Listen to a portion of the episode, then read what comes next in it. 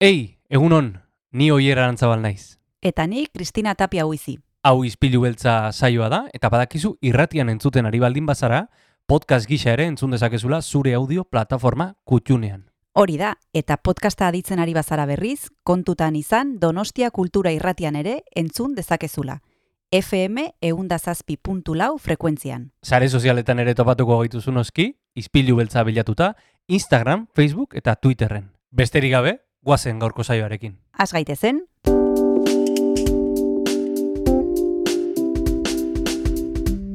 Ispilu beltza. Donostiako kulturaren berri, Oyer Arantzabal eta Kristina Tapia buizirekin. Egun honen zule, otxailak bederatzi ditu, osteguna da eta ez dakit non zauden hau entzuten, baina gu, estudioan gaude, zurekin, gauzak partekatzeko prest. Hau izpilu beltza da, Donostia Kultura Erratia, eta ostegun ederra daukagu aurretik. Kristina, egun hon. egunon, ostegun oso polita, nire Bai. ustez. E, ostegunero, e, Josen Beltran etortzen delako, hori ederra da, eta badekizu berak ekartzen dituela pelikula politak eta eta gainera musika polita ere bai jartzen digula. Baita. Eta gainera aipatu behar dugu, pentsamendu eta gogo eta ekimenaren baitan, e, itzaldi bat prestatu dutela Santelmon, genealogia berriekin azten izena du, eta besteak beste egongo da, Aizea Barzenilla, eta guk konbidatu dugu gurera. Mhm. Aizea Berzenilla, e, itzaldi interesgarri batekin eta solasaldi interesgarri batekin hemen izpilu beltzera, eta Jose Beltranen subtitulo atala zinema zaritzeko. Ez dakit, e, aitzaki oberik topatu dezakezun gurekin tartetxo hau pasatzeko izpilu beltzean, baina bagoaz aurrera, Jon Gartziaren musikarekin. Guazen.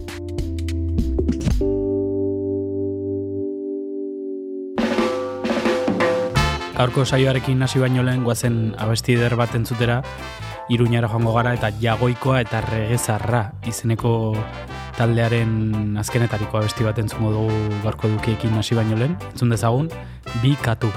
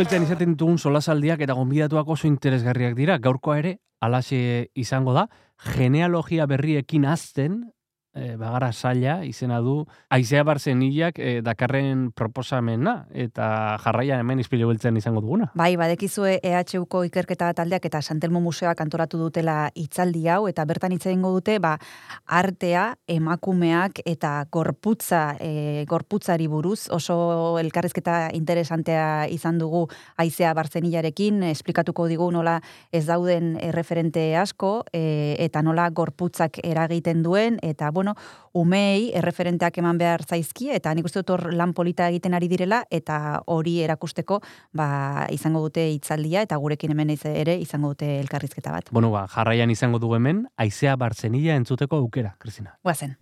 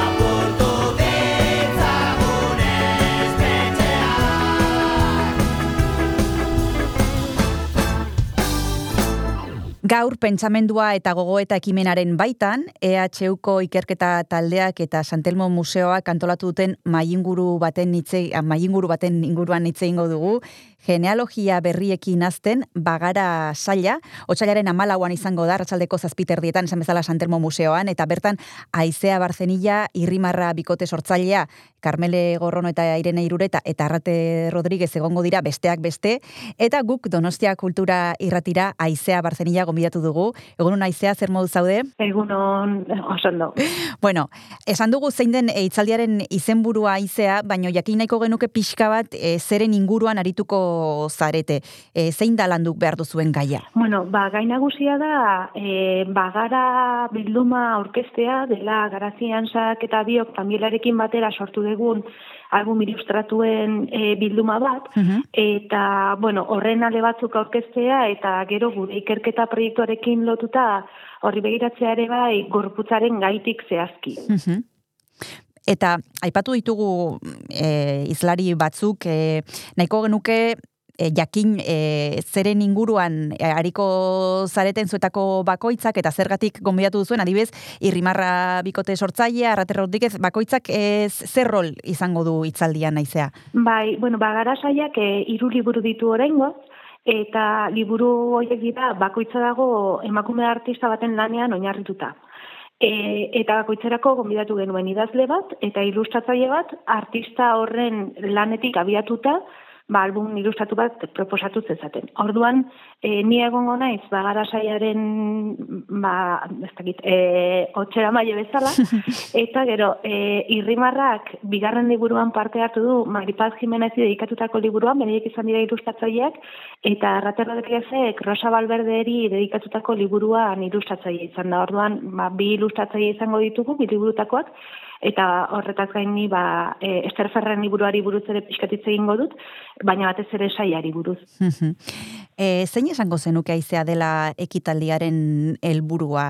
Aipatu dituzu e, ba, pixka bat zein diren gaiak, jorratuko dituzuen gaiak eta zein egongo diren bertan, baina honek ze helburu du jardunaldi honek? Bueno, alde batetik nahiko genituzke ezagutarazi gure liburu hauek, e, iruditzen zaigulako, mm, bueno, sortu genituenean edo ideia sortu zitzaigunean, em, emakume artisten lanak oso ez ezagunak direnez, modu ona izan zitekeela e, aurrekin, ba bueno, hori pixkat ezagutarazteko, aurrei e, helduarazteko modu natural batean jolasaren bitartez eta erabiliak artista hauen praktikak e, nolabait umen unibertsitzara hurbilduta, ez?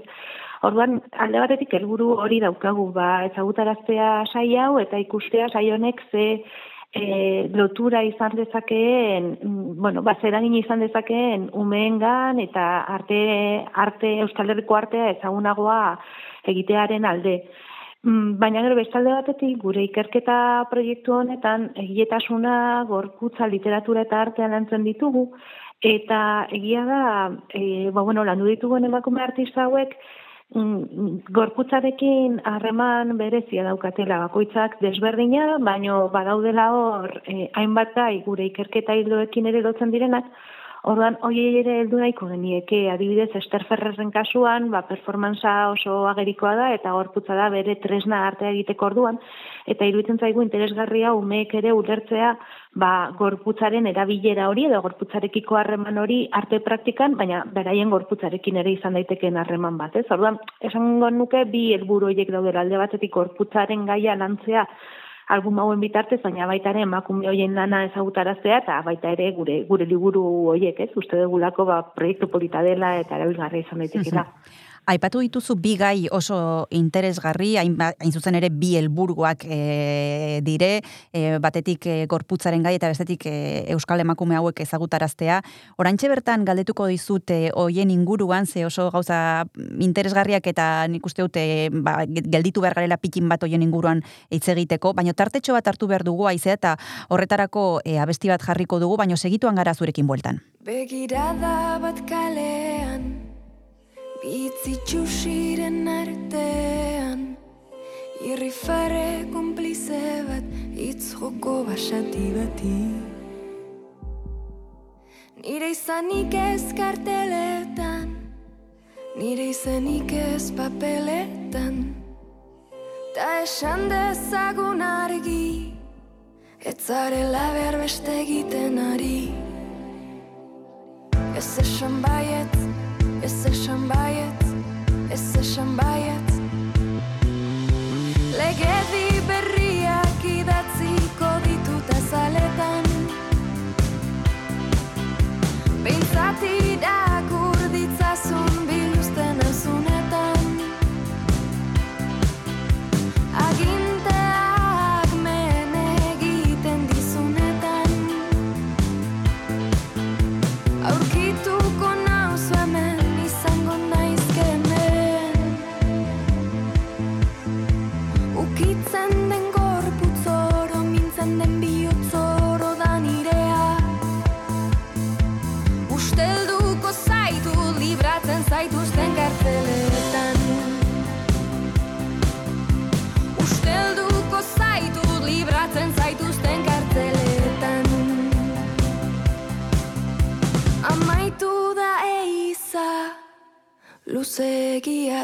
Luzegia da zure krimenen geriza Bizi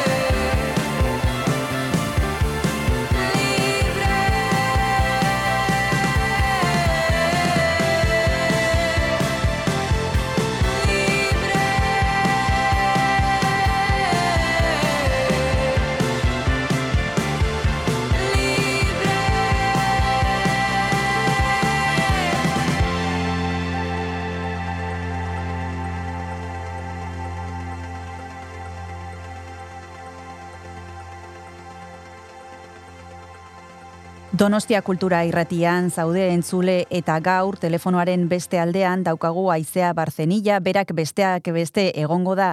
Ea, otxaiaren amalauan, Santelmo Museoan, genealogia berriekin azten bagara saila izena duen hitzaldi bat eskainiko dute, e, ba, irrimarra bikote sortzailea, Arrate Rodríguez, bera aizea egongo da ere, eta aipatu dituzu e, hitzaldi honen edo sail honen helburuak zein diren, eta nahiko nuke pixka bat eten e, hemen aizea, e, asteko esan duzu e, aurrei zabaldu nahi diezula e, edo diezuela e, pixka bat e, euskal e, artista hauen e, ba, erreferentziak edo em, oso zaila izan da orain arte e, erreferentzia femeninoak e, topatzea e, aizea, ez, ez ditugu izan referente femeninoak? Ba, giasan oso gutxi, ez? Artean oso gutxi eta Euskal Herriko artean are gutxiago. E, guk, bueno, garazik eta biok, e, saia martxan jarri genuenok familiarekin batera, iaz, e, bueno, iaz ez orain dela bi urte ja da, erakusketa bat antolatu genuen Santelmo Museoan, e, baginen bagara ditzen zen hortik jaio zen proiektua, eta, bueno, e, bildumako emakumeak ezagutarazteko proiektu bat izan zen, ez? Eta hor konturatu ginen, ba, bueno, ba, erakusketa baliagarria izan zitekela horretarako, baina oso aldi bateko kontua zala, ez? Aldiz, ikusi genuen, ba, behar direla beste, beste errekurtso batzuk, beste erreminta batzuk, e, presenteago daudenak egunerokoan. Eta hor, kon, bueno, kontziente gara, emakumeen presentzia eguneroko e, bizitzan, emakume artistena gizonena, baina askoz ere murritzagoa dela, salbuespenak salbuespen, ikustut denoi dazkigula burura Frida Kahlo, ez? Bai. Baina nola bai Frida da salbuespen bakarra, ez? Berak ordezkatzen ditu beste guztiak, eta Euskal Herrian emakume artista oso garrantzitsu eta interesgarriak eta desberdinak egon dira, eta tamalez ba ez daukagu haien berririk. Orduan bai somatu genuela utxune oso importante bat horretan. Eta zergatik esango zenuke direla garrantzitsuak erreferenteak? Zergatik behar dituzte aurrek erreferenteak, eh, emakumezkoak diren erreferenteak? Bueno, lehenik eta bain oso modu zuzenean e, identifikatuak sentitzeko, ez? E, ikusten dutenean beraien bizitzarako irekitzen diren ate guzti horiek, ba, posible izateko ere neskato batek bere burua ez Picasso batekin, baizik eta Maripaz Jimenez batekin identifikatzeko, ez? E, ikusteko, bueno, ba, pertsona hau e, nire gandik gehiago hurbiltzen da zenbait, zenbait zentzutan, eta Eta, bueno, ba, ni igual ere izan daiteke artista, ez? Ez da nire eskutik ainurrun egon daiteken zerbait. E, baina gero baita ere, ba, ikusteko artea oso anitza dela. Oso desberdina dela, oso oso desberdinak dauzkagula, egileak ere desberdinak direla, eta egilearen arabera arte egiteko modua ere aldatzen dela, ez? Gure bizipenak desberdinak dira, eta horiek modu desberdinan islatzen ditugu. Orduan, horregaitik, eh, aniztasun hori zabaltzeko nik ustut importantea dela eh, artista desberdinak eh, ezagutzea, zabaltzea, eta, eta bueno, ba, iruditegi zabal bat izatea. Zuek hortan lan egiten duzu eta ari zarete pausu garrantzitsuak ematen, baina esango zenuke asko aldatu direla gauzak azken urteotan. E, gaur egun e, aurrek duten iruditegia, e, bueno, zabaldu eginda, e, ezakit ze sentsazio daukazunzuk. Ba, nik uste dut, arteari dagokionez oraindik ez dela horren beste zabaldu. Uste dut ikerketan badagoela aurrerapena, eta uste dut adibidez artista gazteen kasuan, ba, ikusi dugu azken urteotan sari gehiago eman dizkietela emakumeei, emakume gazte gehiago egin dituzte erakusketak, ba, pentsatzen nahi naiz, Damaris Pan, Satxa Jauregi, baina hori ez dut uste umeen mundura edo, edo publiko orokorraren mundura hain erraz iristen denik. Nik uste dut hor oraindikan e, muga handiak daudela, eta batez ere uste dut atzera begira gure artearen historiari begira, ez? Aurreko belaunaldiei begira hor bai zulo ikaragarri da dagoela eta asko edo nori galdetuta ez bakarrik umei, helduei ere zeintzuk diren, ba gure artean historiako emakume artista referentzialak uste dut oso jende gutxik alko zuela erantzun edo izen bat baino gehiago ziur aski gutxik eman alko lukete. Orduan E, nik uste dut lan handi handia dagoela horrez dut esan nahi ez dela ez errezera horretu, baina mm, historikoki begiratuta uste duguna baina gutxi dago Hmm. esango nuke. Lan handia dela oraindik ere esaten duzu aizea eta zuk e, hitz egiten duzu ba, akademiatik, e, unibertsitatetik, baino egin dezakegu zerbait etxean, e, gurasok e, badaukagu ba, ezakit, e, margen pixka bat edo, bueno, edo handia, ezakit. Bueno, a ber, margen pixka bat badago, nik uste dut alde batetik liburuak horretarako tresna bat izatea nahi genuen, e, etxean ere eta eskolan landu izateko tresna bat. Gero, egia da, e, gero eta museo gehiagok, Euskal Herriko museo gehiagok, emakume artisten lanak jartzen dituztela bilduman ikusgailen oso zaiatzen hauek ikustea, baina orain, ba, gutxinaka hori zorionez aldatzen ari da, orduan museoi bizitatzerako, museoak bizitatzerakoan, ba, artelan hoiei, e, ba, nolabait, e, jora dakagu jada ezagutzen dugun lanetara jotzera, Hmm, igual umeekin, hmm. Ba, Hor dago txigida, hor dago teita, hor dago zumeta, ez? Ba, igual, e, txiki bat egitea, eta alde, museora juna horretik lan hoiek pixkat e, interneten begiratzea, iristerakoan basateko bat begita, hau, ez dakit norren rosa balberderen lan bat da, ez? Eta guazen ikustea, eta ze iradokitzen dizuta, kuadroien aurran denbora pasatzean ikuste dut orain hori dela egin dezakeguna, eta gero, ba, exigitzea instituzioei, gero eta ikerketa eta erakusketa gehiago eskaintzea emakume hauei merezi dituztelako. Ze, e, ari naiz pentsatzen, e, deabruaren abokatua izango banintz, esango nizuke, bueno, hori e, orain egiten duzue kuotak e, ba, pixka bat e, jartzeko martxan, baino e, benetazko kalitatea daukate emakume hauek, egon daitezke gizonezkoen parean beraien lanak, edo jarri beharreko gauza bat da, ba, mm, ba, berdintasun bat egoteko ba, museo batean adibidez. Bueno, alde batetik, eh, lehenengo gauza esango nukena da, kalitatearen irizpidea dela irizpide kanoniko bat. Mhm. Ezarri dela kulturalki, eh, adostu ditugun mm, zenbait eh, kategoria edo zenbait elementu elkartuta. Eta horiek ez direla eh, objektiboak, baizik eta oso subjektiboak. E, orduan, nerezako kalitatearen irizpidea dut esango erabat baztertzen dudanik, baina bai e, horrekin pixkat mesfidati naizela, zer adibidez, hainek esaten du eskultura pintura baino nobeagoa denik. Eta adibidez Euskal Herrian eskulturari lehentasuna eman zaio, beste lekuetan eman etzaionean, ez? Hori irizpide kultural bat da, lotuta dagoena, ba, balio batzuekin momentu zehatz batean indarra izan dutenak. E, ordan ikuspegi horretatik badaude e, emakumeak igual kanon horretan sartzen ez direnak, e, beste kanon batzuetan edo beste bide batzuetan ibili direnak eta lan oso oso interesgarriak egin dituztenak, baina esango nuke, ba bere momentuan ez zirela e, hildo nagusiei lotu eta horregaitik gaur egun agian kalitatearen zentzu hori zalantzazkoagoa e, izan dezakegula, ez? Baina eske inkluso kanon horiek hartuta, badaude adibidez emakume pintore oso importanteak, e, ba, bueno, e, ikuspegi, e, esan dezagun kalitatearen ikuspegi horretatik ere bai, baldintza guztiak betetzen dituztela, ba, Maripa Jimenez bera, edo, edo pentsatzen nahi naiz e, Maripuri Herrero, e, eta, eta haiek ere zute ikusgarretasuna izan. Orduan, nire ustez badago argi hor badaudela e, bueno, ba, beste irizpide batzuk ez direnak elitatearenak beraien lanarengan eragina izan dutenak eta mm, nik uste dut badela momentua e, kanonaren ikuspegi hori zabaltzeko eta kalitatea zer den edo kalitate mota desberdinak baloratzeko horrek gure artearekiko ikuspegia abera gastuko duelako, besterik ez egingo orduan mm, nik uste dut ez dela bakarrik kota kontua, naiz eta egia den ba, horretan asko insistitutzen ari garela azken garaian ere baliabide bezala. Hmm. Aipatu duzu aizea kontzeptu oso interesgarri bat eta da ikusgarritasuna, ez? E, lanak antzekoak e, izan da, emakumeak beti e, zailtasun askoz gehiago ditu bere lana e, erakusteko, ba, bueno, hainbat e, arrazoi direla eta ez, eta hori ere ba, bueno, horrela dela aitortu behar dugu, gero lana independienteki e, bueno, baloratu alizateko edo ez, baino ikusgarritasunaren kontzeptu hori e, bueno, guretzat zailagoa da, ez? Bai, asko zailagoa eta hori gainera oso ondo ikus daiteke museoen erakusketen e, bueno, ba, holako e, begirada bat botatzen. Ikusten baldin badegu zein dedikatzen dizkieten erakusketa nagusiak museoek, Euskal Herriko museoek, ba, oso erraska konturatzea, azkeneko urteetan izan ezik, ba, dibidez artin museoak, edo tabakalerak emakume artiste batzuei e, erakusketak eskaini dizkiela, e, ba, gizonezkoek beti izan dituzte erakusketa askoz gehiago arte erretako museoa Bilbon da eredurik behar bada ikusgarriena, non emakume bakar batek izan du erakusketa handi bat azkeneko ia berroi urteetan, ez, izan dana Israel Bakedano. Orduan, e, karo, kopuru horiek ikusita argi dago, normala dela gizonezkoen lanek osatzea gure iruditegia, asko zer aukera gehiago dauzkagulako haiek ikusteko, ez?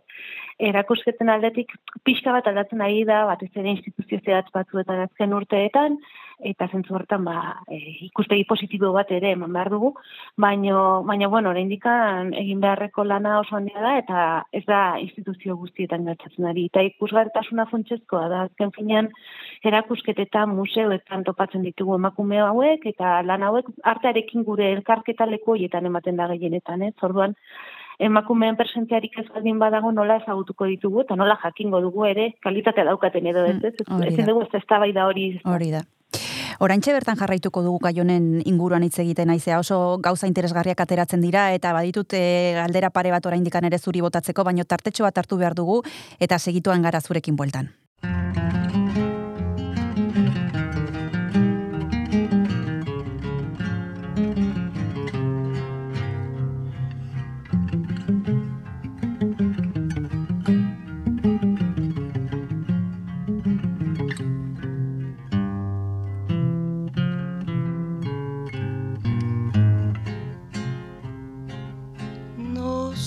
Qué tienen las flores, llorona, las flores del campo santo.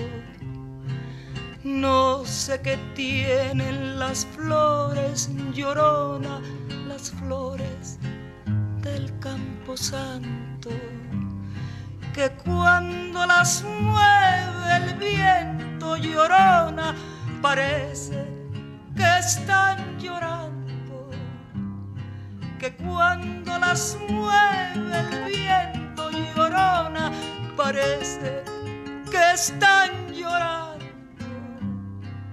Ay, de mi llorona, llorona, tú eres mi yunca. Ay, de mi llorona, llorona, tú eres mi yunca. Me quitarán de quererte, llorona, pero de olvidarte nunca. Me quitarán de quererte, llorona, pero de olvidarte nunca.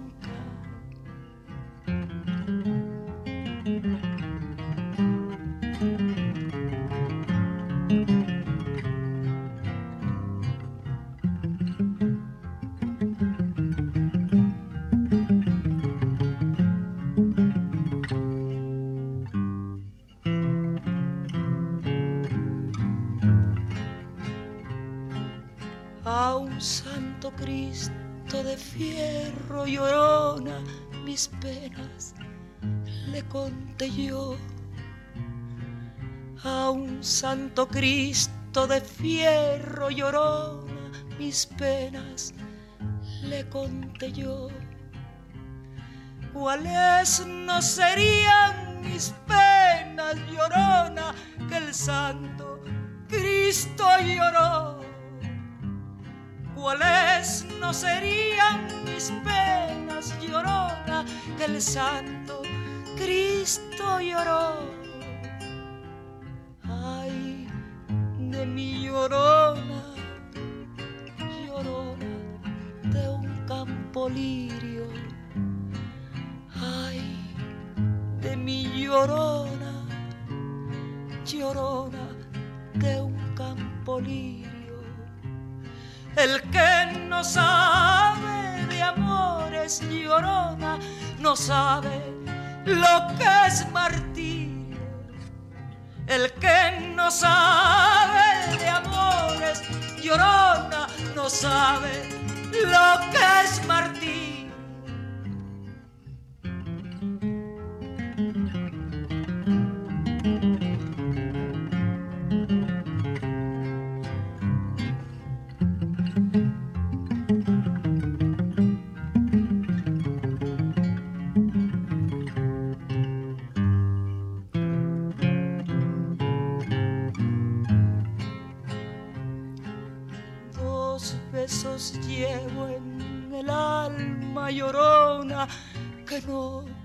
Se apartan de mí. Dos besos llevo en el alma llorona que no se apartan de mí. El último de mi madre llorona y el primero que te di. El último de mi madre llorona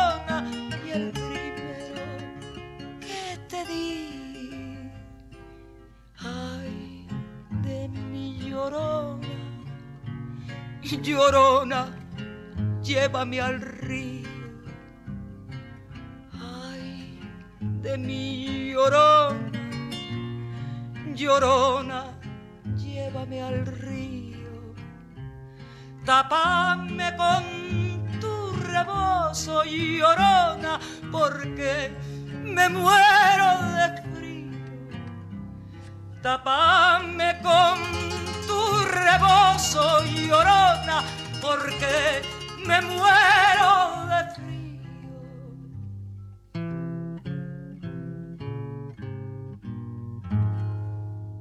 Genealogia berriekin azten bagara saila izena du hitzaldiak, otsailaren amalauan entzuteko eta ikusteko aukera izango dugu, Santelmo Museoan arratsaldeko zazpiterdietan, pentsamendua eta gogo eta ekimenaren baitan, EHUko ikerketa taldeak eta Santelmo Museoak antolatu dute, eta besteak beste gongo dira, bertan aizea barzenia guk gaur, Donostia Kultura irratira gonbiatugu, eta telefonoaren beste aldean e, daukagu. Aizea, ipatu dituzu gauza oso interesgarriak oraintxe bertan, eta hoiei tiraka e, gustatuko leitzaiak jakitea zure iritziz, ere eragina daukan ba orain arte ia ia e, erakunde aipatu ditugun erakunde guzti hoietan e, gizonezkoak egon direla e, goin, goiko partean, ez? Goiko e, piramidearen puntan eta nik ezakit horrek ere eragina daukan ba emakumeen ikusgarritasun eza horretan. Eh, egin batean badu, bai. Eh, egin batean badu, baina bueno, bai azpimarratu nahiko nukeela eh, ez dala, eh, bueno, patriarkatua ez dala gauza bat eh,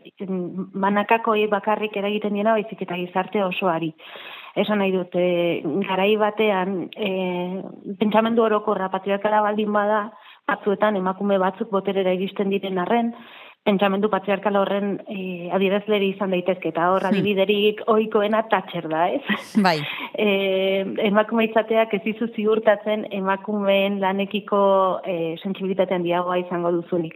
Baina, bueno, e, egia da Euskal Herriko instituzioetan, orain dela gutxi arte, gizonak izan direla nagusi, eta gizon horiek egon direnean orokorrean e, emakumeek askoz ere ikusgarritasun gutxiago izan dutela, eta, bueno, badibidez tabakaleran eta artiumen emakume zuzendariak sartu direnean, hor aldaketa bat ere egon dela, ez? Aldaketa bat edo bintzat joera aldaketa batzuk nabari izan ditugula. Em, esan dakoa, ez da, ez da beti kasua, e, ez, ez da gauza matematikoa, baina emakumeek e, hautatzeko aukera handiagoa daukaten enean ikuste dut pentsamentu feminista ere e, sartzeko aukera handiagoa egongo dela. Nire ustez batez ere da planteamentu feminista bat ote dugun edo ez dugun, ez? Gizon batek ere irizpide feministak aplikatu ditzake momentu batean, e, adibidez Montermoson gertatu zen bezala, arakisekin, e, baina, bueno, e, emakumeek aukera gehiago izatea, eta esparru erabaki horre horietan liku handiago izatea funtsezkoa dela iruditzen zaite Aipatzen ari gara gai hau, baino beste bat e, gustatuko litzaidake aipatzea aizea eta da zuk aipatu duzun e, gorputzaren asuntoa, ez? E, ze garrantzitsua den eta ze, bueno, e, gaia komplexua da, hori ere saiatzuko zarete lantzen e, itzaldi honetan, eta gustatuko litzaidake esatea labur-labur e, ba, alorronek, e, bueno, ze, ze bide izango dun zuen itzaldi horretan, gorputzaren atalak? Bai, bueno, gure asmoa da gorputzaren kontua oso modu desberdinetan agertzen da hiru artisten kasua, baina beti dago presente. E, Ester Ferrerren kasuan lehen aipatu dut, e, argiena da, e, performanzarekin lan egiten du berak, eta berak askotan esaten du, bere tresna dela, bere lehen tresna bere gorputza dela, baina, bera delako, ez esku- eskuragarri daukan gauzarik urbilena. E, baina, bueno, Maripaz Jimenezen kasuan, badauka e, margo talde oso importante bat, oso gutxi ikertu dena, egin zuena berrogei, berrogeita margarren amarkadan, dela pintura figuratiboa, eta bertan emakume ikituak agertzen dira, e, Maripaz bera e, emakume ikitu bat zelako, ez? Eta dira Euskal Herrian lehenengo pinturak egiten direnak, em, ba, holako e, talde arrazializatu baten barnetik, esan nahi dut e, komunitate horretako bataide batek egiten duena komunitate hori esotizatua. Be, orduan, gorputzoien agerpena ez da bat ere ikertu eta guri oso interesgarria iruditzen zaigu eta baliabide oso politare bai umeen liburuetan ba bestelako subjektu eta protagonista batzuk Hmm. sartzeko. Eta gero Rosa Valberderen Bai. kasuan, gorputza ez dagoen presente, ze berez mm, Rosa Valberderen kutxen inguruko Hmm. e, liburu bat da, eta Mhm. orduan objektuak daude, baina objektu horiek afektu ezkargatuta daude, hor emozioak ageri dira, ez? Eta emozioak oso oso importanteak dira Rosa Valberderen lanean, eta horiek ere, e, bueno, generifikatu egiten dira askotan, ez? Ba, emozio batzuk e, maskulinotzat eta beste batzuk femeninotzat lotzen dira, Eta, bueno, ba, horren inguruan ere pixkat hausnartu nahiko genuke egileekin, ea beraiek nola bizi izan duten hori, lan egiteko orduan, nola hartu duten kontutan hori, eta gero haien gorputzak ere nola agertu diren, ze azken finean ilustratzaileak dira etorriko direnak, e, gorputzak parte hartzea handia dauka gure ustez alako lanean, eta, bueno, ba, gorputz elkartruke hori nola eman den e, jakimeko nuke. bueno, ikusten duzuen bezala, edo entzuten duzuen bezala, hobeto esan da, e, gaia oso interesgarriak agertuko dira otxailaren amaloagoen e, prestatu, em, edo izango den e, hitzaldi honetan. Esan dugu e, aizea barzenila egongo dela bertan, e, baita irrimarra bikote sortzailea, hau da, Carmele Gorrono eta Irene Irureta, gainera Arrate Rodríguez ere egongo da, eta beste norbait ere bai, e, oraindikan ez daukate zehaztuta, genealogia berriekin azten bagara sailekoak, esan bezala EHUko ikerketa taldeak eta Santelmo Museak antolatu duten hitzaldia izango da. Mila esker aizea barzenila gurera hurbiltzeagatik eta besarka da bat urrengor arte. Eskerrik asko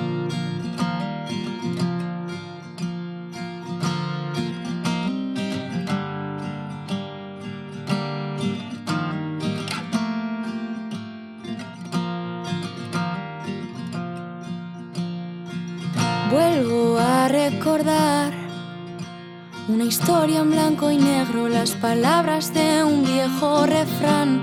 Vuelvo a encontrar tu memoria escondida, esos ojos de cristal.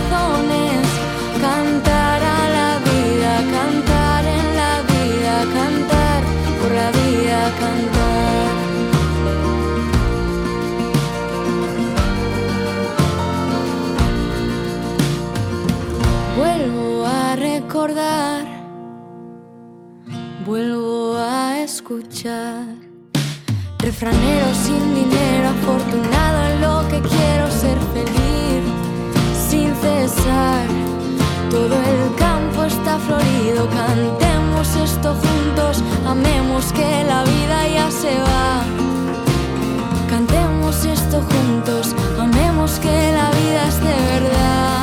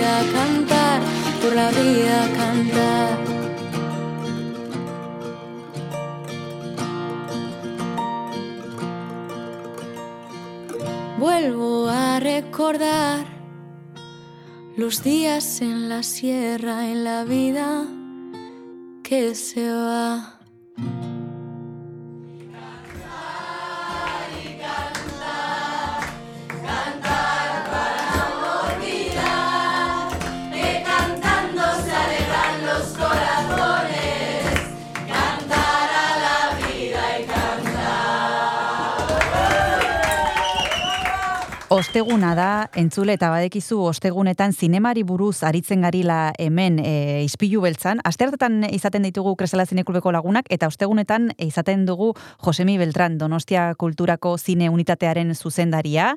Egunon, Josemi, zer moduz? Kaixo, zer moduz, egunon. Oso, ondo. Ba, esaten dugu beti, baino ez da, ez da gezurra. Zurekin hitz egiteko gogoarekin, beti ekartzen dituzu gauza oso interesgarriak, eta gaurko saioan ere horrelaxe egingo duzu, Josemi, gaur aipatuko ditugu hiru hiru bi, bi gauza aipatuko ditugu. Azteko, e, nosferatuk izango duen urrengo proiekzioa, Le Corbeau da pelikula. E, Josemi, goazen hitz egitra pixka bat e, pelikula honen inguruan. E, kontatu, asteko zein da sinopsia, baliteke norbait egotea beste aldean ez duena oraindik ikusi. E, okerraz banago joan den urtean filmategiak eh, jarri zuen e, Lumier emanaldien baitan. Baina, bueno, e, kontatu asteko sinopsia, eta gero hitz egingo dugu pixkanaka pixkanaka pelikularen inguruan. Ba, izu komentatu duzu, berriro, berriro berreskuratu deu e, film hau, e, Mhm. Berez uste dute, bai, filmetegian eman, eman zenean, e, bueno, euskarazko aspidatziekin bota, bota zen, eta, Bai. bueno, hone- honetan gaztelenezko aspidatziekin bota dugu, Eta, bueno, beti saiatzen gara ez errepikatzen, baina, bueno, ba, gure ustez, sinema, frantziako sinema beltza ziklonetan, nosferatu ziklonetan, ba, hau film hau da garrantzitsua da, eta eta bere esanahia ba, badauka, eh? Mhm. eh, Henri Jos Clouseau da zuzendaria, Mhm. bere bigarren bigarren film luzea izan zen hau, mila bederatzen berrogeita, berrogeita iruan, Eta Le Corbeau, bueno, ba, izenburuaren protagonista edo pertsonaia eh, belea, esango, esango genuke, da beleak eh, anonimoak idazten ditu, eh? frantziako ergi txiki baten biztaldei, e, bueno, edo zein kontu eta akusatzeko. E, kasu batean mediku, e, mediku bat abortoak e, egiteaz, e, edo maitalea, maitale bat izateaz, eta gutxi gora bera, ba, beldur hori ba, kutsatzen da herrian zehar, eta, bueno, ba, hau bezalako e, filmetan, ba, e, suspensea edo dago e, jakiteko ba, norden e, bele hori edo kogbo hori norden eta jakiteko norden e, kriminala edo agian guztiak dira kriminalak eta guztiek badute bere bere erruak edo eta beraien pekatuak, ezta? Eta hori da, ba, bueno, filmaren film honen e, mamia pizka. Zuri zer gustatzen zaizu, e, Josemi, film hontan e, zuk pertsonalki zer azpimarratuko zenuke? Bueno, e, Cluso, e, bere filmografian gero e, jarraian egin zuen adibidez las diabólicas edo salario del miedo, de beste suspenses beteriko filmak, eta honetan, e, bueno, ikerketa filma, filma izan da, beti aipatu da bereziki, ba, bueno, agian zela, e, garai horretan gainera, ia bigarren gerra mundialan geunden, e, zela Frantziako erretatu ez oso atsegina. Mm e, Frantziako e, biztanlei buruz eta Frantziako egoerari buruz. Eh? E, gogoratu nola Frantzian egon zen bigarren gerra mundialan, ba, banaketa bat, e, kolaboratzaile eta erresistenteen artean. Hmm. E, eta kaso honetan hori ez da, bueno, ereziki aipatzen, baina bai ikusten da, ba, bueno, pizkat e, hipokresia eta eta arima iluna, biztanleen arima iluna. Horregatik filmak, kritika handiak jaso zituen bai alde batetik eta eta bestetik. Mm bere bere garaian estrenatu zenean. Eta hori oso garrantzitsua da e, e, ez bakarrik e, ba, bueno, film poliziar bat e, izateaz aparte, ba, badauzka beste irakurketa batzuk eta nire ustez e, hori da oso oso polita eta eta interesgarria.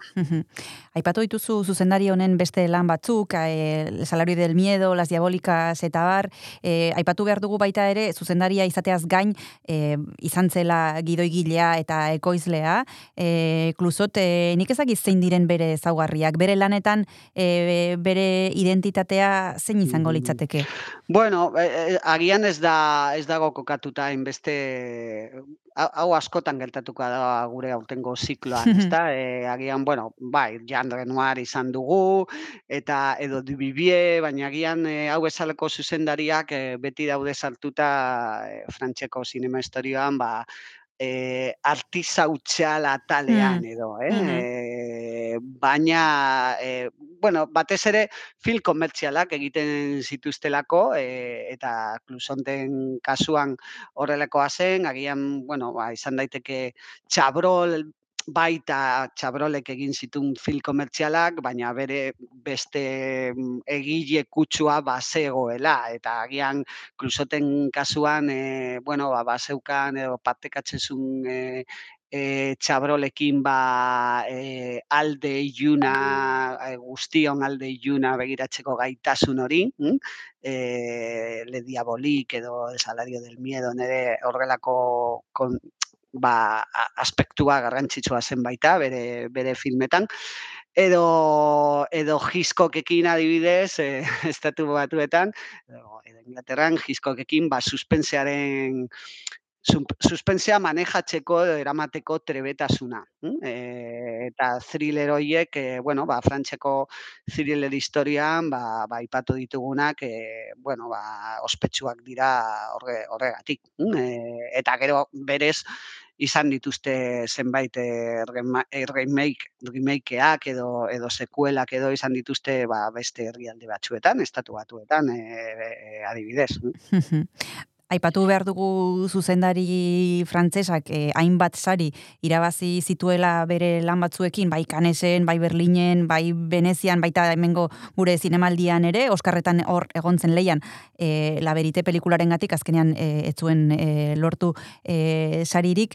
Eh, bueno, tartetxoa tartuko dugu eh, Josemik aukeratu dituen eh, gaiei heltzeko heldu baino lehen, eta badekizu Josemi hortarako abesti bat eskatu behar dizutela, eta nik ezaki zein pentsatu dut, zein ze abesti jarriko dugu eta entzulekin partekatu. Bueno, ba, erabaki diet, aste hauetan errepasatzea pizkat, e, bueno, ba, ba, polar zinemaren zenbait e, abesti edo zenbait melodia, Bai. eta, bueno, kasu honetan, lehenengo, zikloaren lehenengo filmetan, e, musika egia da ez dela garrantzitsua da, baina pizkanaka pizkanaka batez ere hirurogeita hamarreko hamarkadan eta laurogeita hamarkadan e, ba, garrantzitsuagoa izango da, eta Morricone edo Philip Sarde bezalako musikariak oso garrantzitsuak dira genero honetan.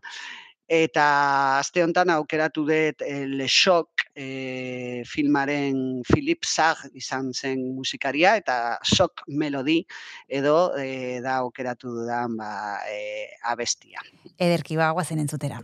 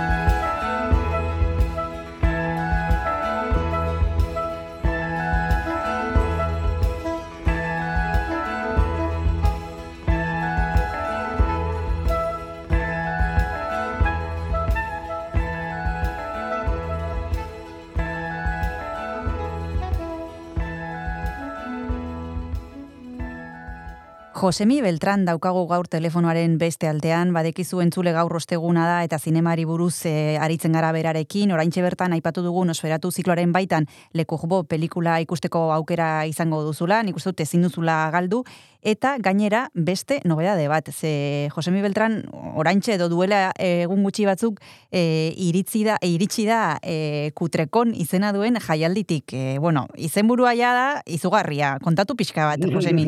Zer da, zer da hau? Ba, ba, hau Kutrekon Madrilen ospatzen da, e, urtero, berez, e, bueno, aurten amabigarren edizioa Bai. e, egin da, eta, bueno, urtarriaren, justu urtarriaren azkenengo astean ospatu zen, hogeita bostetik, hogeita, hogeita bederetz, bederatzira. E, zenbait zinema, bueno, zinema desberdinetan, ospatzen da Madrilen, unibertsitatean baita, eta, bueno, batez ere, e, bueno, e, zinema zaleen elkarte batek antolatuta, eh? Aha. E, e, zinemasale amorratuak, eta, bueno, nire lehenengo aldia izan zen, ja, aspaldi ezagutzen nun, e, badugu, bueno, kolaboratzaileak aman komunean, beldurrezko, beldurrezko astea, astearekin, Eta giroa pizkat antxekoa izan daiteke.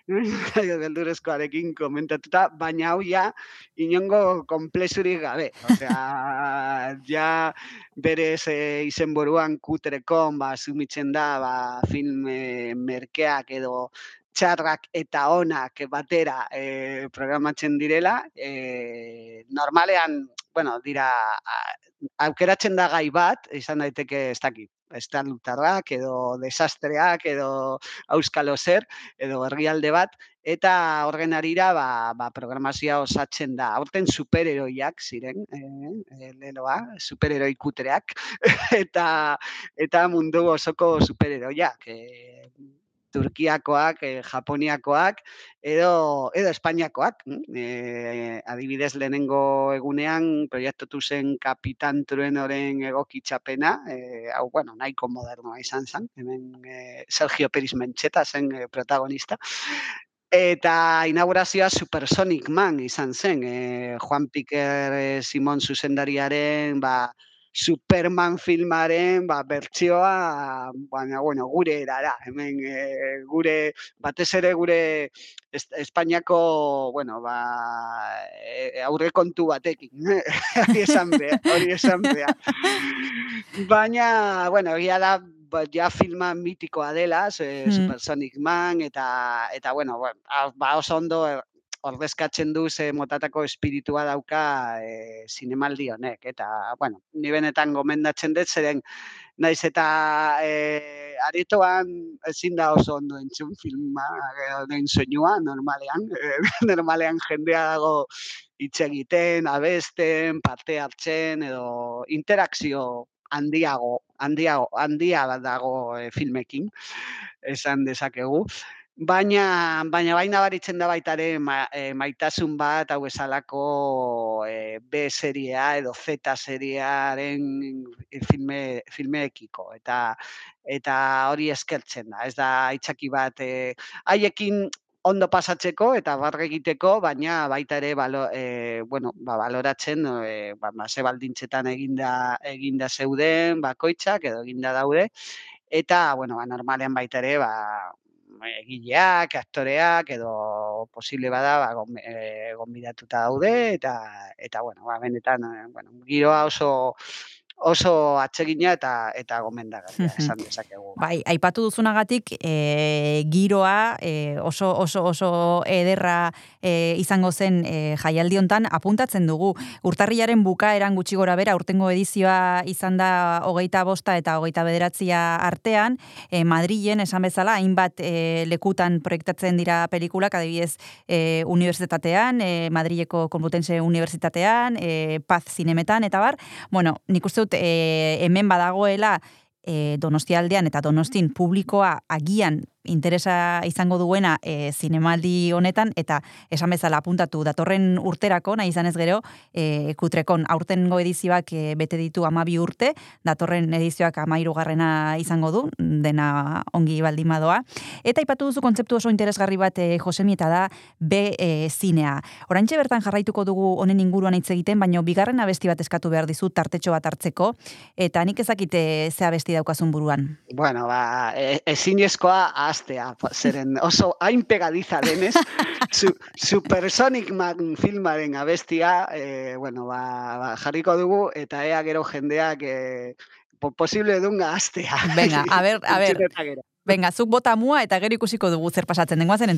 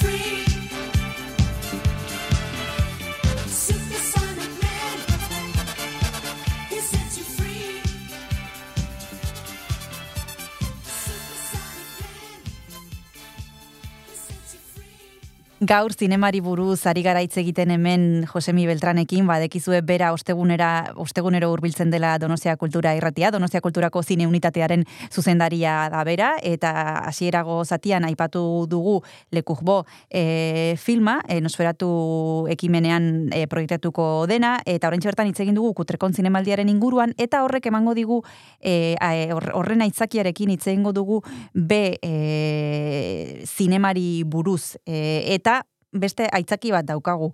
E, Josemi, Eugenio Martín e, zuzendaria hil zaigu, eta bueno, asteko agian e, aipatu behar dugu pixka bat e, nor, nor, nor izan zen e, Eugenio Martín Mázquez, e, Márquez barkatu, em, eta bueno, ze, ze, ze, peki- ze pelikula utzi dizkigun, ez? Bai, gainera, bueno, badu, e, bueno, ba, behin e, eriotxa jakin genuenean, ba, partekatu genuen e, ba, eldurozko astearen zareetan, e, argazki bat, e, hemen donostian hartuta, mila bederatzireun laro geita 西安。E, beldurezko astean, eh, bertan, eta, eta beldurezko astearen edizio horretan egon ziren do, e, donostian gonbidatuta e, Txitxo Ibañez Ergador, e, Juan Piquer Simón, Paul Naschi, Jesus Franco eta Eugenio Martín bezalako zuzendariak, e, guztiak elkarrekin, eta, bueno, ba, egia esan jendea partekatu du asko argazkia, zeren, bueno, ba, zegoen belaunaldi bat, e, Espainiako zinemaren fantasiasko, baina oro har sinema kontzeptu baten belaunaldi bat ordezkatuta zegoen e, e, bueno, argazki, argazki horretan. E, Zoritxarrez gehiena ja zendu dira, eta, bueno, azkenengoa izan da Eugenio Martín. Eta Eugenio Martín adibidez bere, bere fin esanguratsuena izan daiteke Pánico en el Transiberiano, edo Ho- Horror Express e, izan zuen e, izenburu ingelesa, eh? E, eta hau, bueno, ba, e, mundu mailan eta batez ere, bueno, fa- beldurraren munduan oso oso ezaguna da, bere bueno, ba, protagonisten artean zeuden Christopher Lee edo Peter Cushing, adibidez, ba, bueno, ba, mundu mailako izarrak, e, estatuko Espainiako ekoizpen, ekoizpen batean edo eta hemen hemen filmatuta, eh, eta batez ere film hau horror, horror, express ba, historian jarri zuen Eugenio Martín, baina e, beste batzuk egin zuen, e, Una vela para el diablo, adibidez, edo western, e, e, western, e, generoko filmak, El precio de un hombre, adibidez, baina baita ere musikalak, eh, komediak, eta Juan Piker Simon bezala, e, Supersonic eman filmari buruz hitz egin dugu, ba, Juan Piker Simon ere, berak naizun hemen eh, Espainian ba, e, generosko eta film komertzialak eh, sortzea, ba, bueno, e, posible eukitzeko, e, konpetitzeko edo leian egotea estatu batuetako filmekin. Eh? Zergatik ez egin hemen beldurezko filmak edo zientzia fikziozko filmak edo horrelakoak edo Paul Natzik egin zuen bezalan. Eta askotan, bueno, ba, e, gizon edo zuzendari hauen lana ez da hain ondo ikusi, e, beste batzuen bueno, agian egile kutsua zeukaten beste zuzendari batzuen lanadarekin alderatuta, baina askotan be- bere filmak, e, beraien filmak askoz komertzialagoak ziren, eta e, denboraren poderioz ikusi dugu nola kasu askotan e, asko sospetsuagoak. hm? Adibidez, kasu honetan Pánico en el Transiberiano, de Horror Express film hori, ba, bueno, duela gutxi ba, zenbait bi, bi hiru urte izan zuen Blu-ray e- edizio bat Inglaterran eta oso rakastatsua izan dena. Eta bueno, askotan hitz egiten dugu beste zuzendari batzuei buruz, baina baina bueno, artisau hauek oso oso garrantzitsuak izan dira e, estatu mailan zinemaren industrian eta eta bueno, e, jakina are gehiago, bueno, ba, fantasia edo beldurrari buruz hitz Mm. egiten, hitz egiten Mhm. badugu. Bueno, aipatu behar dugu bere lan batzuk ba, izan dira e, bitxiak, ze adibidez e, Rocio Durkal izan dira protagonista, Mm. e, Julio Iglesias ere bai, Bai, baita, aipatutako e, Pánico en el Transiberianon Christopher Lee adibidez, edo beste batzuetan e, Gina Lollobrigida da e, duela gutxi hilden e, aktorea. E, zergatik e, uste duzu gertatu izan dela, eta batez ere, Josemi, zuk uste duzu e, daukagun irudimen hau e, autore hauen inguruan aldatzen ari dela, eta dagokien aitortza ematen ari zaiela azken urteotan, edo uste duzu oraindikan badaudela, ba, e, bueno, e, mugak e, ba, lan hauek eta eta pertsona hauek e, ba, errekonozitzeko momentuan. Bueno, ni ustez badago aldarrikapen bat, bai, batez ere adibidez, bueno, e, Txitxo Ibañez zergadoren kasuan adibidez gogoratzen den nola goietan, bueno, agertu ziren, ba, Ales de la Iglesia, Bayona, eta beste Mm. zuzendari batzuk, e, ba, bueno, ba, bere maizua zela goraipatuz, Mm. edo, edo Paul Nastzi adibidez orain baita ere bere iaia bere filmografia osoa gitaratzen ari da baita e, DVD-an eta eta Blu-rayan, e, ba, e, zeren, bueno, ba, bere pertsonaia e, gizon otxoaren pertsonai hori, e, ba, bueno, baina mitoa izan da, e, ba, Valdemar Daninski. E, eta bueno, historioak e, historioak egiten du bere bere lana, eh? eta eta ni ustez beldurraren munduan edo fantasiaren munduan e, jendeak e, badu memoria eta gustatzen zaio mantentzea oroimen hori eta eta eta e, bueno, ba hori, ba, gogoratzea egile hauek, naiz eta zuk aipatu duzun, eh, bezala, e, ba beste motatako film asko egin zuten eta askotan ikusten dugu horrelakoak e, zine de barrio bezalako Mm. saiotan, Mm. E, baina berez hori zen gure sinema komertziala eta hori zen gure industria eta e, askotan, bueno, ba, eredu errepikatzen ziren ereduak e, ba, duela gutxi eh, hitz egin genuen hemen Elvis eh, Presleyren filmen Mm. inguruan Mhm. eta nola hemen estatuan, ba, gian, zuk aipatu duzu Julio Iglesias edo Manolo Escobar ziren protagonistak edo. Rafael Bai. Ho- hori bezalako filmetan, baina baina argumentua oso oso antzekoa, eh, Elviseko filme filmekin, baina horrek bazeukan publikoa eta bazeukan publiko asko eta handia eta eta hori ez da inoiz mespretsatu behar eta eta bueno, ba, ikusi nola nola dauden ba noizbenka telebista telebista audientzia indizeak edo eh, ba, horrelako filmak eh, botatzen direnean, no? Edo eta ba, nire ustez hori da gure gure historiaren partea eta eta lotxarik gabe ere ikusi ikusi behar zen azken finean ba sinema entretenimendua da baita ere. Eta eta entretenimendua izan daiteke oso oso duina eta eta oso ondo sortuta eta bueno, Eugenio Martinen kasuan horrelakoa izan zen. Bueno, ba, esan bezala oroitu dugu Eugenio Martin, hitz egin dugu Nosferaturen baitan proiektatuko den e, Le Corbeau filmaren inguruan, eta baita aipatu dugu e, kutrekon e, zinemaldia, nahi izan ez gero urtarrilaren inguruan edo urtarrilaren amaieran egingo dutena, e, bueno, datorren urtean ja, ze aurtengoa ja pasada. Eskerrik asko, Josemi Beltran e, izpilu beltzara urbiltzeagatik, eta gauza interesgarri hauek ekartzeagatik, eta hurrengor arte bezarka da bat. Ba, ba, bai, datorren astera arte, eta la vida siga igual, esaten zuen Eugenio Martinen eh, filmea eta, eta, eta Julio Iglesias. Horrela, hemen jarraituko dugu. Oso ondo, ba, hurrengor arte. Agur.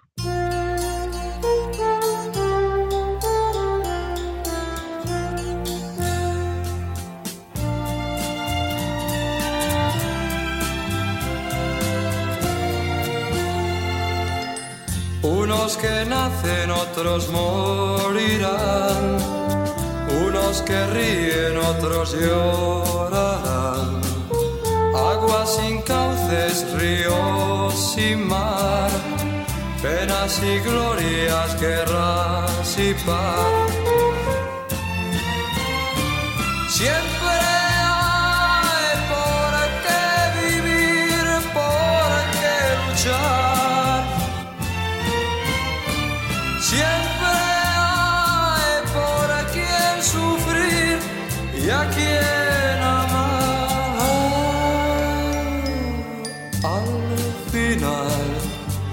las obras quedan, las gentes se van.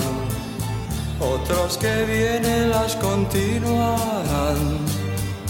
La vida sigue igual.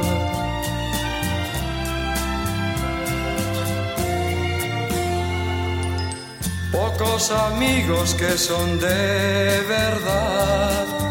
Cuántos te halagan si triunfando estás.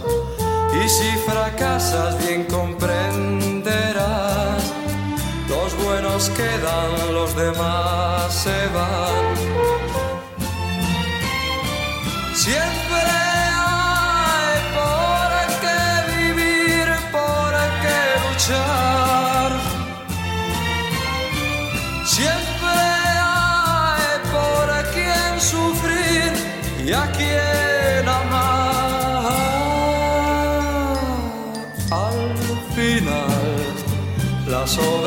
las gentes se van. Otros que vienen las continuarán. La vida sigue igual.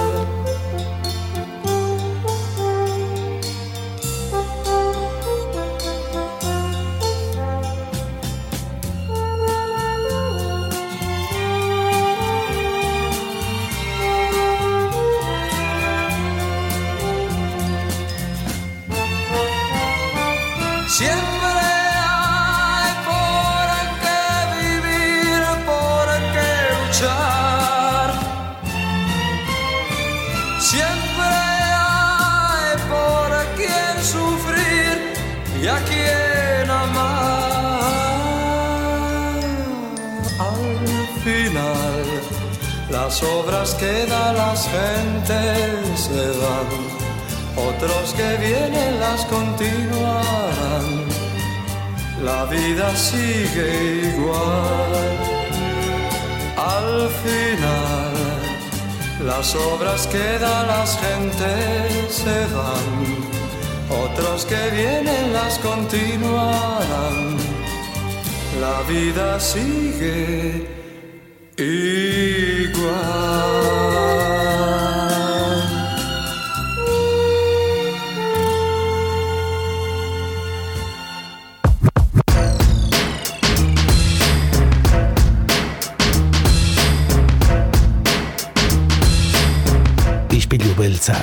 Donostiako kultur paisaiaren isla da Donostia Kultura Irratian eta zure audio plataforman Spotify, Apple Podcast, Google Podcast eta irratia.donostiakultura.eus webgunean.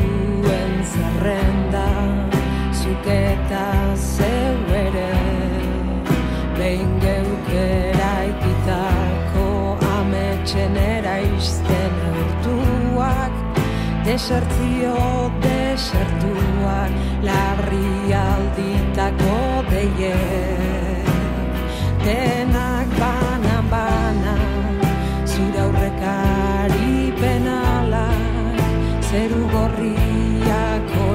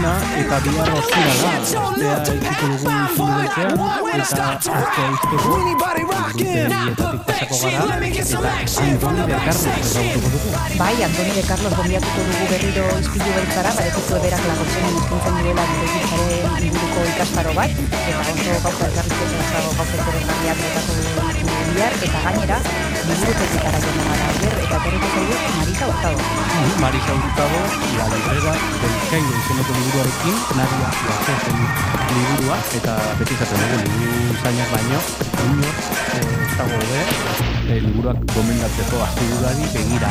Hori bihar izango da eh, e, ostiralez, e, eh, bitartean zaindu, eta bihar. Bihar arte.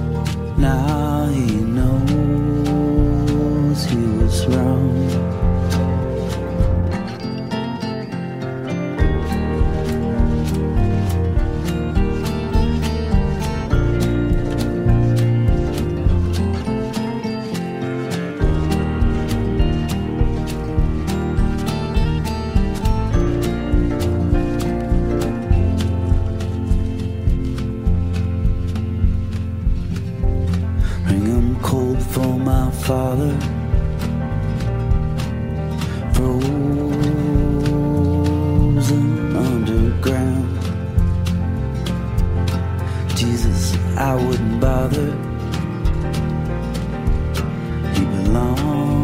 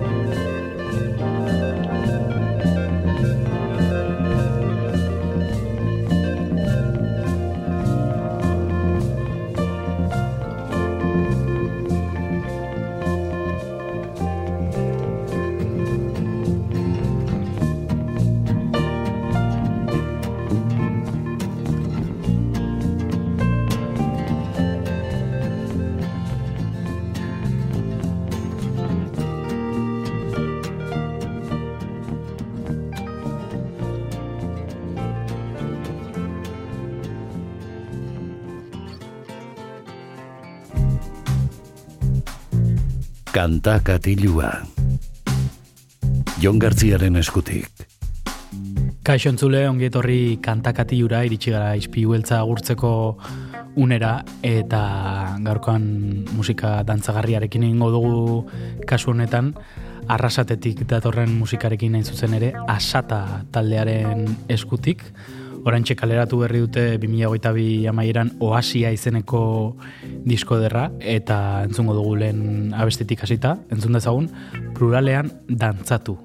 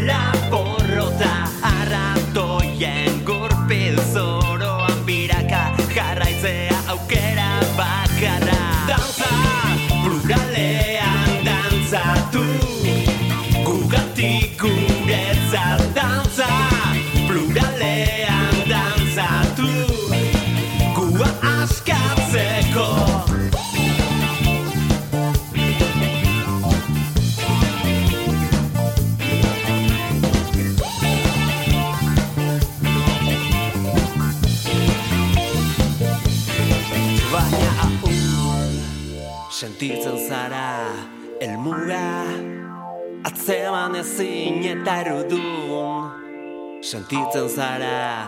Bideok erretik Utxegiten baina ahul Sentitzen zara Elmuga Atzeman ezin eta erudun Sentitzen zara Bideok erretik Utxegiten ez zara zu.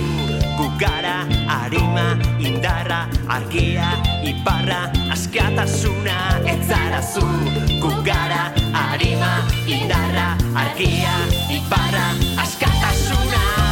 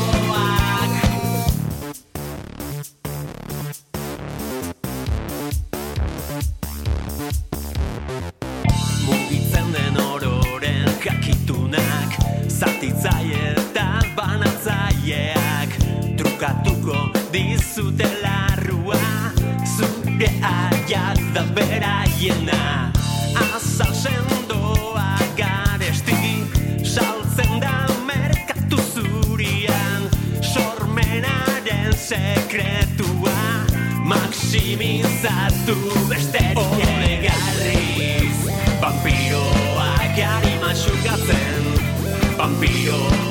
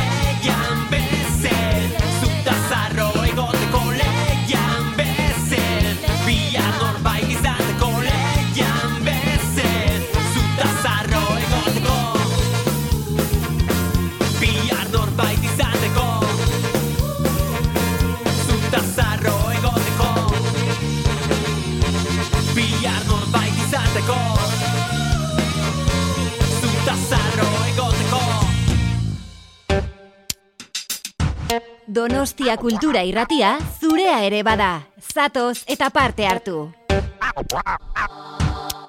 Ies egingo dugu Hortzadarraren babesera Ametxen da ferekak Infinitu amarraztuz Ezberdintasunak krisez margotu berdintasuna bihurtu. Desioak itoz Amnesiari bide emateko.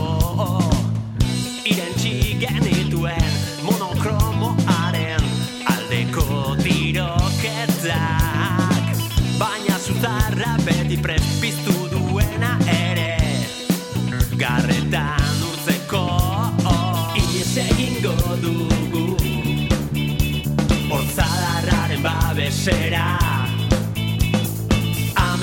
ferekak Infinitu amarraztuz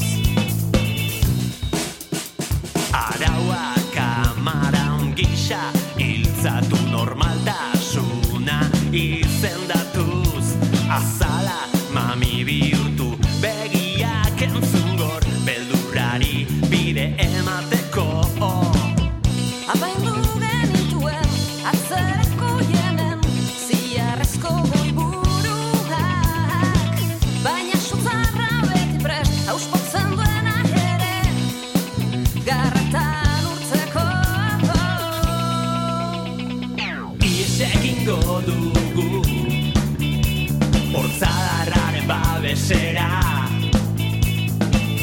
Ametxeta ferekak Infinitu amarraztuz Ies egingo dugu. Hortzadarraren babesera Ametxeta ferekak Infinitu amarraztuz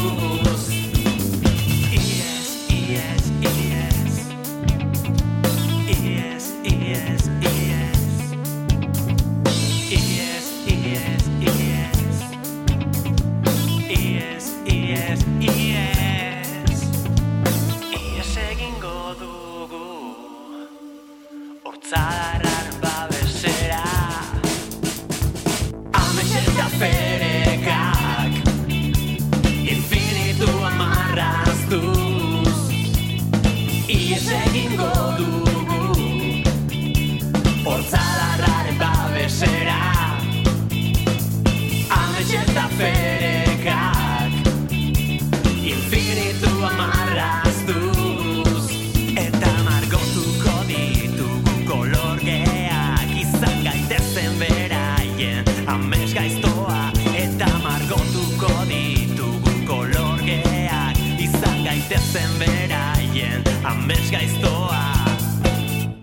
Asata taldea ezagutzen ari gara gaurkoan Donostia Kultura erratean eunda zazpi frekuentzian Asata musika beltzaren eragina daukan arrasateko taldea da hain zuzen ere. Funka, soula, popa, elektronika, roka, punka, rapa eta dena nasketa berezi batean egiten dutena. E, haiek e, galdera egiten diete haien buruari zer estilo jotzen duten post-funk, soul-punk edo alakoren bat. Eta orantxe kaleratu berri dute Oasia izeneko diskoa, gaur entzuten ari garena zuzen ere. E, shot estudioan grabatuta, arrasaten bertan. Eta guazen entzutera beste abesti bat. Orantxe entzun duguna izan da Jackie Shane izeneko abestia. Eta hurrengoa izango da Gentleman.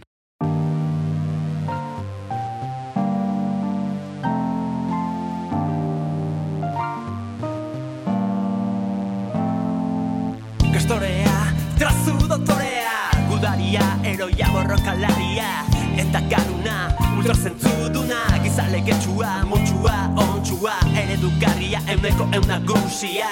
Gogoan garria, gitaria Xabi Alonsoren biki perfektua Gizadiaren artefaktua. Egoerari buelta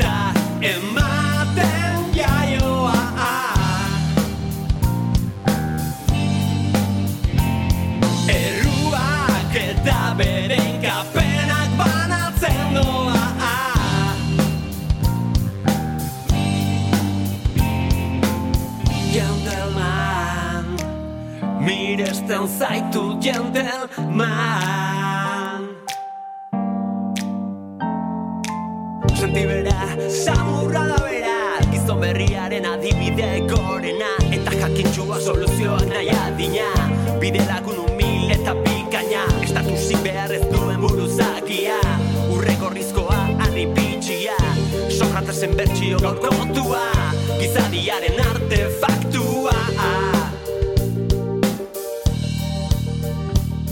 egoerari buelta ematen jaioa.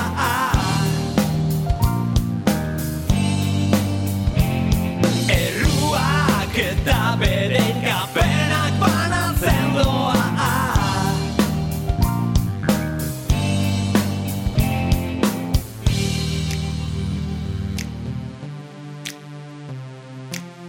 Gentleman. Miresten zaitu gentleman. Amesten zaitu gentleman. Maite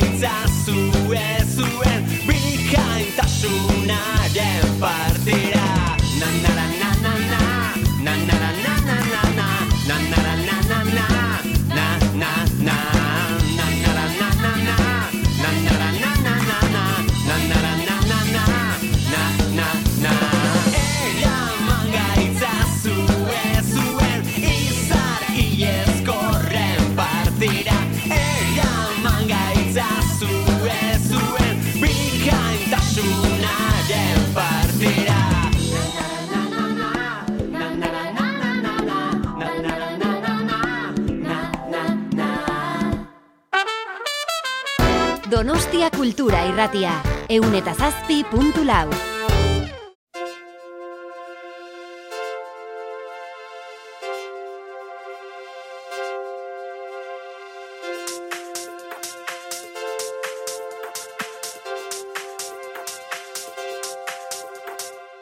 Urrea dariona oa, izarrezko Une horroko sendata gu duena hotxa du azala Katea ez dutzen diguta guan jante. Mingarria da, baina desiratzen dugu. Urrun behar luke, baina une oro gurtu. Mingarria da, baina desiratzen dugu. Urrun behar luke, baina une oro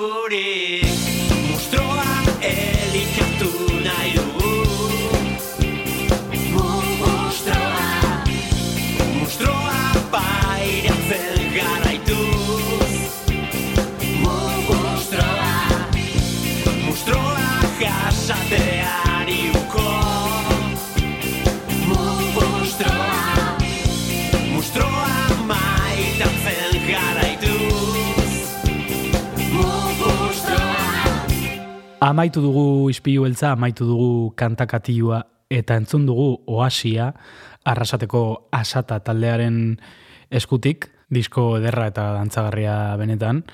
E, orain entzun duguna izan da mustroa izeneko kantua eta urrengo abestiarekin utziko zaituztet momentuz bihar arte, opio berriak izeneko kantuarekin hain zuzen, eta horixe, esan bezala, bihar arte.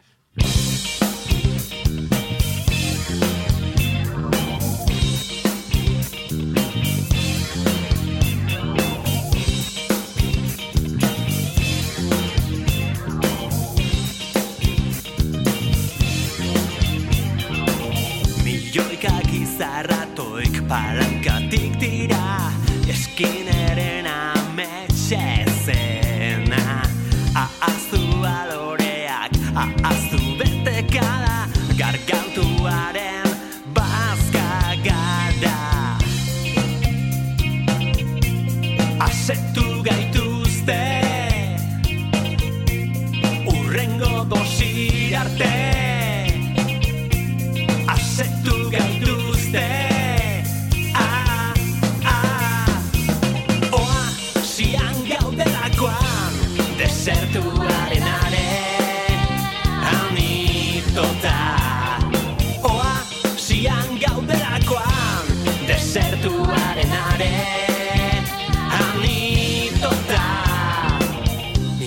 Milioika ametxidor errauts bihurtuta Zoriontasunaren negarri. Ahaztu koloreak, ahaztu lehortea Aizetearen menpe gaude. Asetu gaituzte Urrengo dosi arte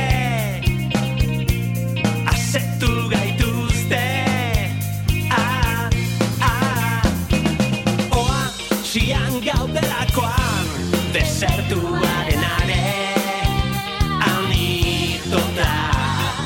Oa, sian gaudelakoan Desertuaren are